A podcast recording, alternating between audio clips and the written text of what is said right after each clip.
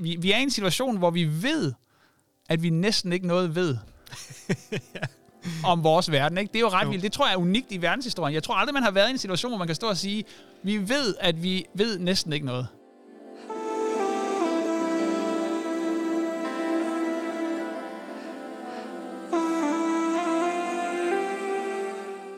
Ingen ved, hvad fremtiden bringer. Men nogen har en bedre forudsætning for det end andre. I denne podcast-serie, der vil nogle af landets ypperste forskere dele, hvad de ser ude i horisonten. Hvilken retning trækker netop deres felt, vores fælles fremtid, i. I starten af 70'erne viste det sig, at det vi troede, vi vidste om verdensrummet, var mildest talt utilstrækkeligt. De fysiske love, som vi kendte dem, kunne ikke forklare det, som stadig mere sofistikeret udstyr observerede. Der må være noget derude, som vi ikke har fundet endnu. Noget, som er blevet dybt mørkt stof. Da dette partikelfysiske fænomen endnu ikke er observeret, så er det sådan set kun fantasien, der sætter grænser for mørkstofs potentiale den dag, vi måtte finde det. Professor Mads Tordal han kaster lys over mysteriet om mørk stof og hvad potentialet kunne være, når han ser ind i fremtidskuglen. Men først skal vi lige blive lidt klogere på, hvad det egentlig er, han laver. Mads, kan du ikke som i start prøve ligesom at lave den her lille øvelse, hvor at, øh, du forestiller dig, at, øh, at du er til den her familiefest. Du er kommet til at sidde ved siden af en, en borddame, du ikke øh, har hilst på tidligere, og hun er høflig, som hun er. Starter hun selvfølgelig med at spørge, jamen, hvad laver du så? Hvordan, øh, hvordan vil du så forklare, hvad det er, du øh, bruger din hverdag på, Mads? Jamen det jeg er, det er astropartikelfysiker. Det var et langt navn. Og det er, fordi jeg er startet og uddannet som partikelfysiker. Så det er en, der prøver at finde ud af, hvad verden består af på, på den, de allermindste skala. Altså hvad er, hvad er Lego-klodserne, som øh, bygger verden op, universet op.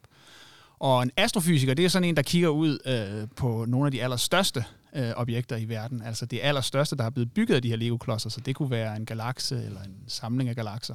Og prøver at forstå, hvordan det er gået til. Øh, og det fascinerende ved vores univers, det er jo, at øh, det allerstørste i universet, det er styret af det allermindste, fordi at universet startede i sådan et øh, noget, der minder om et Big Bang, eller et Big Bang, så det var meget, meget småt og meget, meget tæt. Og på det tidspunkt, der var, der var det partikelfysikken, der styrede, hvordan universet startede, og, og det har så også styret, hvordan universet udviklede sig sidenhen.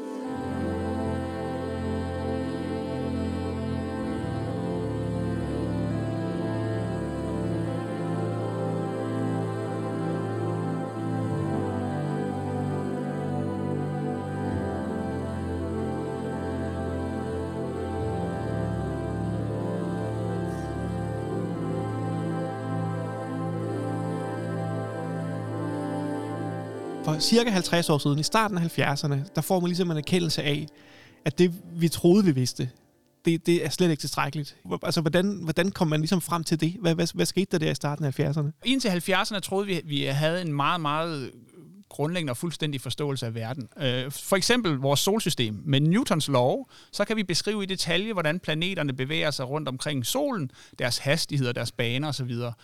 Så det virkede til, at vi havde fuldstændig styr på det. Det, der skete i 70'erne, det var, at øh, nogle astronomer, blandt andet en øh, amerikansk astronom, der hedder Vera Rubin, de begyndte at kigge på galakser, altså nogle systemer, der er større end solsystemet. Så en galakse, det er en samling af milliarder af sole, eller milliarder af stjerner. Hver, mange af dem måske med deres egen planetsystemer, men de samler sig også sammen i en galakse, som er sådan en skiveformet fordeling af stjerner, og de bevæger sig i cirkelbaner, alle de her stjerner. Og man begyndte at måle på stjernernes hastighed rundt omkring galaksens centrum. Og man fandt ud af, at de her stjerner bevægede sig overraskende hurtigt.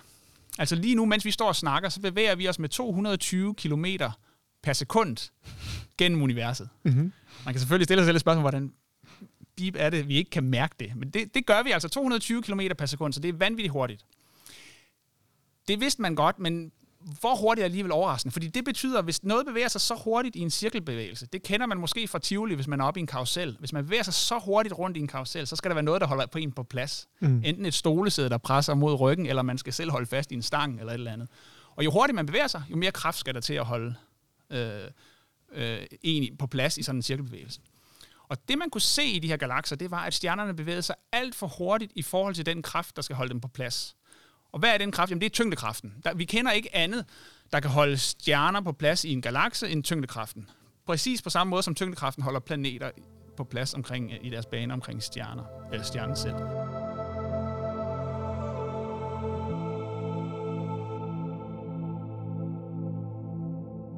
Men hvor skal den her tyngdekraft komme fra? Jamen, den skal komme fra alt det stof, der er i galaksen.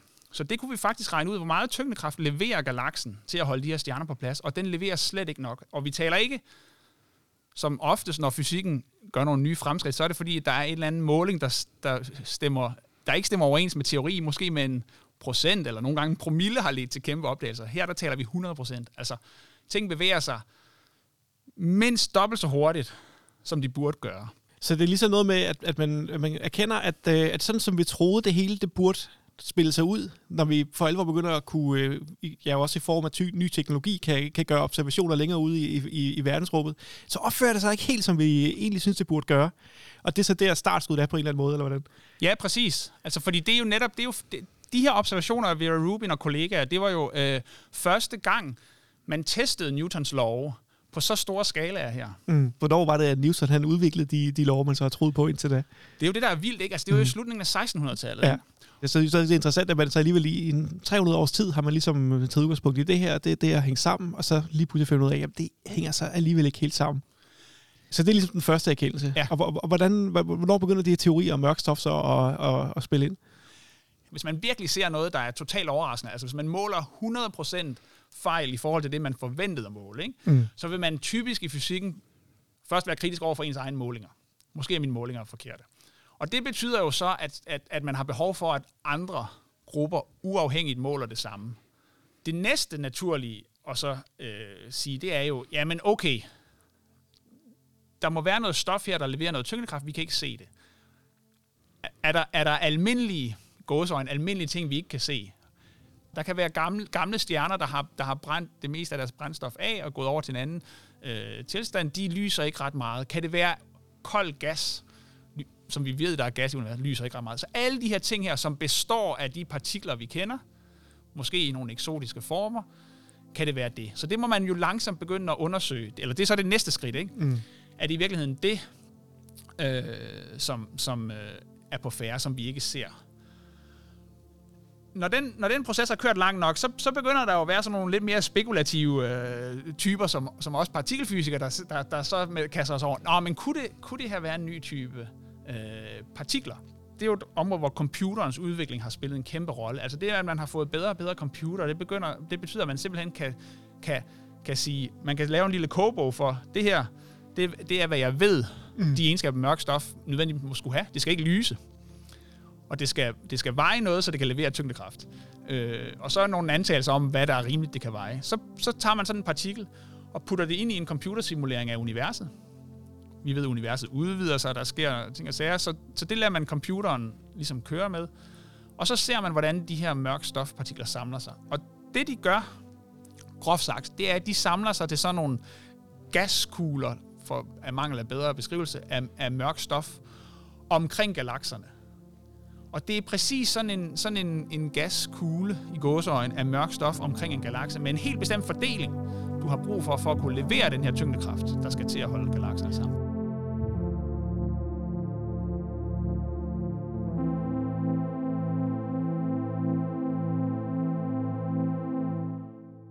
Så det er cirka der, vi er i dag, her hvor vi så er fremme i, i 2022. Ja, jeg vil sige, vi, vi, er, vi, er, vi er alligevel længere end det, fordi mm. man kan sige, nu, nu har vi mørk stof, som fungerer som sådan en, øh, en stabilisator for stof. Det holder stoffet sammen. Mm. Men det, det begynder også langsomt at blive klart, at, at vi, har, vi har også brug for en katalysator i universet, hvis man skulle tale sådan en kemisk sprog. Altså vi har brug for noget, der speeder dannelsen af struktur i universet op. Så det begynder at blive klart, at hvis du vil have universet til at bygge en mælkevej på 13,8 milliarder år, det er universets alder, mm. øh, så vidt vi ved. Det virker som lang tid for os, men det er, det er ikke særlig lang tid til at nå at bygge en galakse. Universet kan simpelthen ikke nå, med det stof, vi kender, og den tyngdekraft, vi kender, så vil universet ikke kunne nå at bygge en struktur som en galakse på 13,8 milliarder år. Du har nød, du, og, og det er fordi, der er, der er, der er, er kræfter i universet, der, der gerne vil hjælpe med at bygge galaksen, det er tyngdekraften. Og så er der så noget som øh, elektromagnetismen, det der også giver os lys, der, der giver sådan et tryk øh, udad, der, der skubber ting fra hinanden. Det kender vi fra solen. Solen den øh, tyngdekraften vil gerne trække solen sammen, og så er der øh, processer inde i solen, som er fusion, som i sidste ende har at gøre med elektromagnetisme, der, der skaber sådan et strålingstryk, der holder solen, der presser udad, og så er solen i balance. Men i det tidlige univers, der gør det her strålingstryk altså, at strukturer har svært ved at danne sig. Så du har noget, brug til for noget, der, der speeder den der proces op.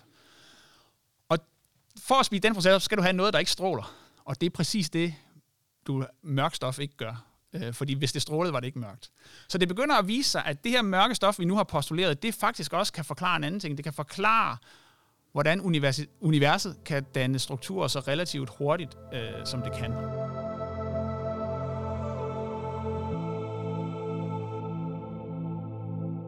Altså nu er, nu er true crime jo en, en meget populær podcast-genre, så jeg skulle prøve at gå lidt det, det spor, ikke? Altså så, så har vi ligesom, vi har ligesom, hvad skal vi sige, de, vi har ligesom et, et mistænkt, ikke? Jo. Og vi har stille og roligt bygget uh, indicierne op. Ja. Der, der, er flere, der, der er mere og mere, der peger på, på den her mistænkte, men vi mangler the smoking gun, så ja. det er lidt der, vi er nu, ikke? Jo, det er fuldstændig det, vi er. Og smoking gun for mørk stof vil jo være at kunne lave et eksperiment, der detekterede mørk stof som individuelle partikler, mm. eller producerede dem. Og sådan et partikelfysisk mørkstofprogram har været i gang siden, øh, ja, men igen måske siden slutningen af 80'erne, begyndelsen af 90'erne, og har udviklet sig. Altså det er et af de det er virkelig måske et af de mest spektakulære områder, hvis man ser, hvor meget bedre de her eksperimenter er blevet, altså hvor meget mere følsomme de er blevet over for de egenskaber, vi tror, mørkstof har, og hvor meget øh, mere finmasket det her net af eksperimenter er, der leder efter mørkstof. Det er helt ekstremt. Men bottom line er, øh, de har ikke fundet det endnu. Men det, det, som vi prøver at arbejde med, det er at sige, jamen okay, det er så ikke lykkedes endnu. Al evidensen for mørkstof er derude i de her astronomiske observationer på stor skala. Så kan vi ved at forbedre nogle af de her observationer, kan vi identificere måder at forbedre de her observationer på, som kan øh, som vi kan bruge til at aflure de partikelfysiske egenskaber af mørkstof ved de her observationer på stor skala. Altså, er der, er der nogle detaljer i partikelfysikken, der giver nogle aftryk i de her observationer på de allerstørste skalaer, som ikke kun, selvom det kun er via tyngdekraften, vi ser det, så kan det ikke kun forklares via tyngdekraften. Altså, der skal nogle partikelfysiske vekselvirkninger til. Så, så, den her, øh, så, så, så, så, så det bliver sådan et område, hvor, hvor den her forskning i tyngdekraft, øh, og, og, og detaljerne i tyngdekraften på store skala og partikelfysikken, den smelter sammen ude i universet. Så det er, øh, det, det er for mig at se et område, hvor der er øh, stort potentiale for at lære ikke bare, at mørkstof er der, men også at lære noget om mørkstof fra mm. de her observationer ude i rummet.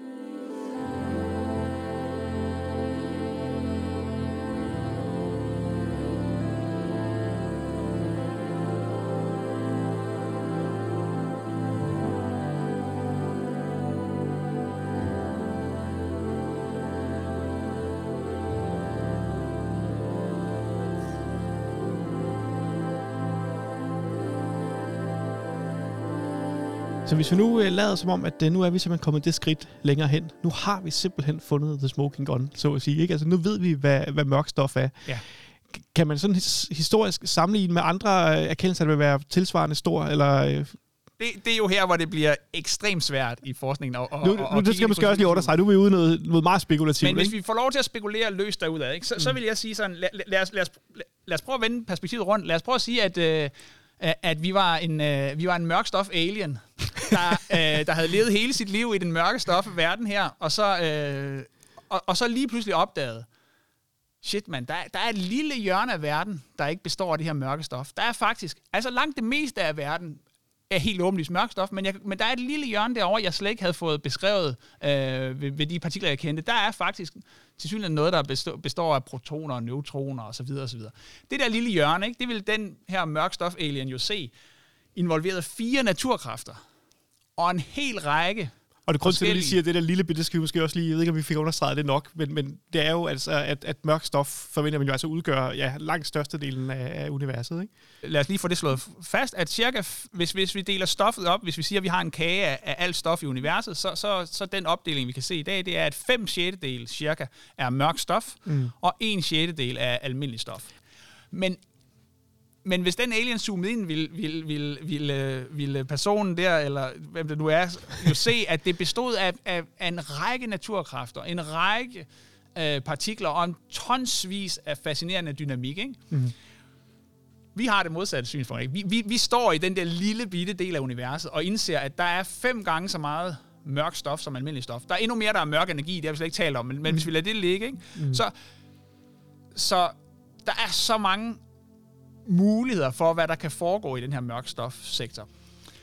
Og hvis vi går historisk tilbage, som du spurgte til, hver eneste gang, vi har opdaget en ny naturkraft, jamen så er der jo for det første åbnet sig en ny verden for os. Der har også i mange af de tilfælde åbnet sig nye teknologier. Mm. Altså, tyngdekraften er måske den første kraft, vi stifter bekendtskab med. Den bruger vi øh, i alle mulige sammenhænge. Vi er selvfølgelig underlagt det, men vi bruger den jo også til at skabe energi, når vi laver en, øh, når vi dæmmer vand op og, lad, og så lader vandet løbe. Ikke? Så er det tyngdekraften energi, vi konverterer. Øh, elektromagnetismen er den næste kraft, vi måske stifter bekendtskab med. Den, den er hele vores teknologi baseret på, mm. og masser af energiteknologier som solenergi øh, og i sidste ende også vindenergi er, er baseret på de her to kræfter. Øh, så opdager vi den svage kernekraft. Det er den, der står bag øh, fusionsprocesser i solen, og det er også den, vi anvender, når vi bruger... Øh, øh, når vi vil lave atomkraft. En kombination af den svage kernekraft og den stærke kernekraft, som er den fjerde kraft, vi har kendt. Så perspektivet i at opdage en ny naturkraft er jo i princippet kolo enormt stort. Altså, hvad, det, det er så stort, at det, det er svært at overskue, hvad, hvad det skulle kunne øh, lede til.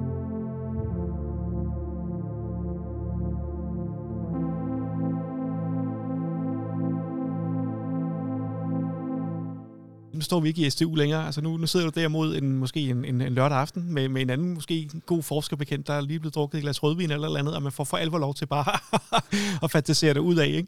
Hvad ser du så sådan en naturkraft vil kunne, kunne, kunne bibringe? Det vil være naturligt at spekulere. Kan vi, kan vi, kan vi, altså, kan vi, øh, kan vi drive energi ud af den her naturkraft? Ikke? Mm. Altså, kan vi, kan vi udnytte den til noget? Kan, vi, kan det blive vores egen øh, øh, energikilde? Altså, man har jo inddelt civilisationer øh, i sådan nogle stadier af, hvor gode de er til at øh, udvinde energi, og det sidste skridt i den stige, er ligesom, at man bygger en solfanger rundt omkring hele ens stjerne, ikke? det er sådan ligesom mm. det, det ultimative skridt. Så, så, så, så udnytter man ens øh, energikilde i vores verden øh, optimalt. Øh, så, så kunne man altså, kunne der foregå noget tilsvarende i den her mørkstofsektor? Er der et eller andet, man kunne øh, drive energi ud af? Der er jo princip, princippet meget mere af det, mm. øh, noget vi kender her. Altså er der noget i nogle af de tidligere erkendelser, man har gjort, som ligesom har peget retning af, at, at det kunne måske faktisk, hvis det her det viser sig at, at holde stik, og man kan køre længere ned af det her, den her bane her, altså er der, er der så andet sådan teknologi eller, eller andet, der sådan tegner sig i, i sådan en eventuelt horisont? Jeg vil godt prøve at give en lille historisk analogi. Altså hvis, hvis, hvis vi skruer tilbage til begyndelsen af 1900-tallet, der troede man, man havde forstået den fysiske verden stort set. Man havde, man havde et model af atomet, som til forveksling ligner vores model af solsystemet i dag, som sådan en kerne med nogle elektroner rundt omkring. Og lige pludselig opdagede man, at den der model af atomet, den, var, den hang ikke sammen med vores forståelse af den elektromagnetiske kraft, som vi var i gang med at udforske på det tidspunkt. Det man opdagede var, at atomet var ville være ustabilt. Med Ørsteds forståelse af elektromagnetismen og Rutherfords beskrivelse af atomet, så vil man lige, indså man lige pludselig, at det her atom, det vil, det vil annihilere, kalder vi det. Vi kan også kalde det eksplodere på en brøkdel af et sekund. Alt stof i universet vil være ustabilt. Et totalt kollaps af vores beskrivelse af den fysiske verden, om du vil. Hvad, hvad var det, der løste det her problem? Det var faktisk kvantemekanikken. Så, så for 100 år siden, der, der, der var øh, et af trædestenene til kvantemekanikken, det var at, bare at forstå noget så simpelt som, at atomet kunne være stabilt og ikke falde fra hinanden. Og i dag er vi jo netop begyndt, først nu, at prøve at udnytte kvantemekanikken til sådan noget som øh, kvantecomputere. Men, mm. men tidligere har vi øh, implicit af kvantemekanikken involveret en masse teknologi øh, allerede i dag. Hvis vi, hvis vi prøver at sammenligne situationen med de her galakser, vi har startet med at tale om som evidens for mørkstof, altså det her, at stjernerne bevæger sig alt for hurtigt rundt i galakserne, Jamen, det, er, det, er jo det, det er et billede på fuldstændig det samme. Ikke? Altså, mm. galaksen er, stab, er ustabil uden det her mørke stof. Så, så på en eller anden måde, så er der sådan en, en, en, en analogi med galaksen som universets atom, og, og det der atom i 1900-tallet. Og, og der, hvor vi står i dag, det er den forståelse af galaksen, som man stod med for atomet i 1900-tallet.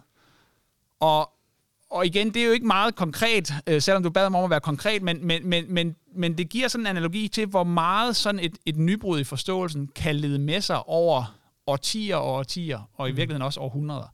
Øh, så, så, så det og igen, det er jo en spekulation, men måske noget tilsvarende, øh, kunne man spekulere i, vi står overfor nu.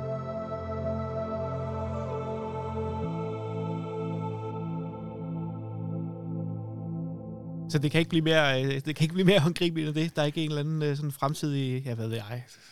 Du skulle til at sige brødrester eller eller andet virkelig det, dårligt eksempel. Det er meget, det, men, det, men, nej, men det ville jo være skide godt, hvis man kunne pege på den der fremtidige brødrester, men det er, det er, det er svært at pege på den der brødrester, ja. øh, hvad, hvad den skulle være ved mørkstof. Altså, jeg har, jeg har selv siddet, øh, jeg har selv siddet apropos over, over sådan nogle aftener over rødvin med nogle kolleger fra øh, Niels Bohr og, og spekuleret i sådan nogle lidt mere konkrete øh, planer for, hvordan skulle vi høste den der mørkstofenergi. Altså, lad mig sige det sådan, mens vi to her står og taler, hvis vores almindelige partikelfysisk forståelse af mørk stof er nogenlunde korrekt, så bliver vi gennemstrømmet af milliarder af mørkstofpartikler per sekund, mens vi står og taler her. Men de vekselvirker så svagt ved os, at vi ikke opdager os. Men altså, det, der er så mange af dem, det var, det var, det var da nærliggende at, at prøve på en eller anden måde at høste den der vind der. Men altså, alt hvad vi er kommet op med indtil nu, det, det, det, det har i hvert fald ikke fungeret. Lad mig sige det sådan. Måske ikke så overraskende. Nej. Så igen, altså, så det er ligesom der, vi er. Altså, vi mangler stadigvæk ligesom at få, altså, nu får du bare et gratis gæt her. Ja. Altså, hvor, hvor, hvor, tæt tror du, vi er på sådan at få endelig defineret, hvad, hvad det her mørke stof egentlig er for noget?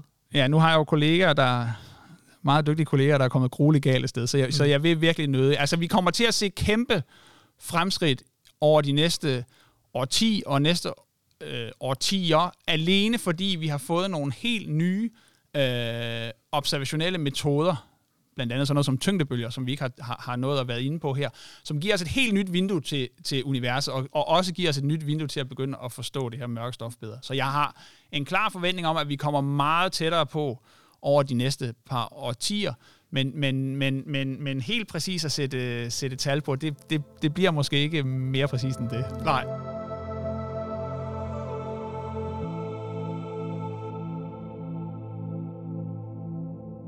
hvis vi sådan her til aller, aller sidst lige skal prøve sådan at, at samle lidt op på nogle af de potentialer, som, som vi var omkring før, i forhold til, hvad, hvad det her mørke stof øh, kan føre til, når vi sådan bliver klogere på det. Altså, så, så, så, er, det, så er det altså en, en, en potentiel ny naturkraft, der sådan måske vil være det mest banebrydende. En, en potentiel ny naturkraft, og så, og så også bare det, at, at altså lige nu er det jo en rød klud i ansigtet, ikke? At, at vi har så lille en forståelse af vores omgivelser, altså universet. Det er ude på stor skala, men altså, vi, vi er i en situation, hvor vi ved, at vi næsten ikke noget ved ja. om vores verden. Ikke? Det er jo ret jo. vildt. Det tror jeg er unikt i verdenshistorien. Jeg tror aldrig, man har været i en situation, hvor man kan stå og sige, vi ved, at vi ved næsten ikke noget. Altså om, hvad ting består af. Langt det meste er ukendt. Ikke? Så, så det, det er vi jo nødt til på en eller anden måde at angribe med, øh, med, med fuld kraft. Men ja, altså det her perspektiv om, at, at, at opdage en ny naturkraft i det mørke stof. Det, mm. det er, hvis vi ser historisk, øh, det vil være kæmpestort. Hvor meget, hvor meget vil det rykke ved det der, du siger, vi ved, næsten, vi ved, vi næsten ikke ved noget. Altså, hvor meget af det vil lige så blive rykket i det øjeblik, man så ligesom bliver klogere på, hvad det her sorte stof er, eller mørke stof øh, er ja, for noget? Ja, men hvis det, hvis det er 5 6 del af verden for stof, ja. ikke, så, vil det jo, så vil det jo blive rykket kolo enormt meget. Ikke? Ja, ja. Og, og alt det her, det er, jo, det er jo før vi snakker om alt det, vi ikke ved, at vi ikke ved. Det, det, har jo vist sig historisk, det har der været meget af til alle tider, og det er ja. der givetvis også meget i dag. Ikke? Altså de der mm. unknown unknowns, men her der har vi en, en, en kæmpe stor known unknown. Ikke? Altså ja. det er så grundlæggende for mig at se, at, ja. at stoffet, som ting består af, altså det har vi troet i århundreder, vi har bare fået bedre og bedre styr på, men, men så eksploderer det lige pludselig for os. Ikke? Ja. Øh, ja. Og, og det var det, der skete der for... Øh... Ja, så lad os sige 70'erne, ikke? og begyndte ja. at blive klart, altså langsomt er blevet mere og mere mm. klart. Ikke? Og det der, det der med, at vi kan stå og sige, der er fem gange så meget mørk stof, øh, mål på masse i hvert fald, som der er almindelig stof, det er, det er, det er, det er først noget, der er blevet sådan, altså den der samlede øh, øh, hvad skal man sige, øh, husholdningsberegning. Det er blevet mm. klart øh, med præcisionskosmologi i de sidste, i de aller sidste årtier, altså mm. det sidste årti i virkeligheden, at, at det, det, det er den mængde ja. mørk stof relativt til almindelig stof. Hvad tror du, det har været, øh, det har været en kæmpe fornøjelse? Tusind tak for at, at gøre os klogere på, ja, på det, du vi så i realiteten ikke ved, hvad men ikke til to mindre. Præcis. Ja, tak. Ja, tak. Ja, det var så lidt, bogstaveligt talt.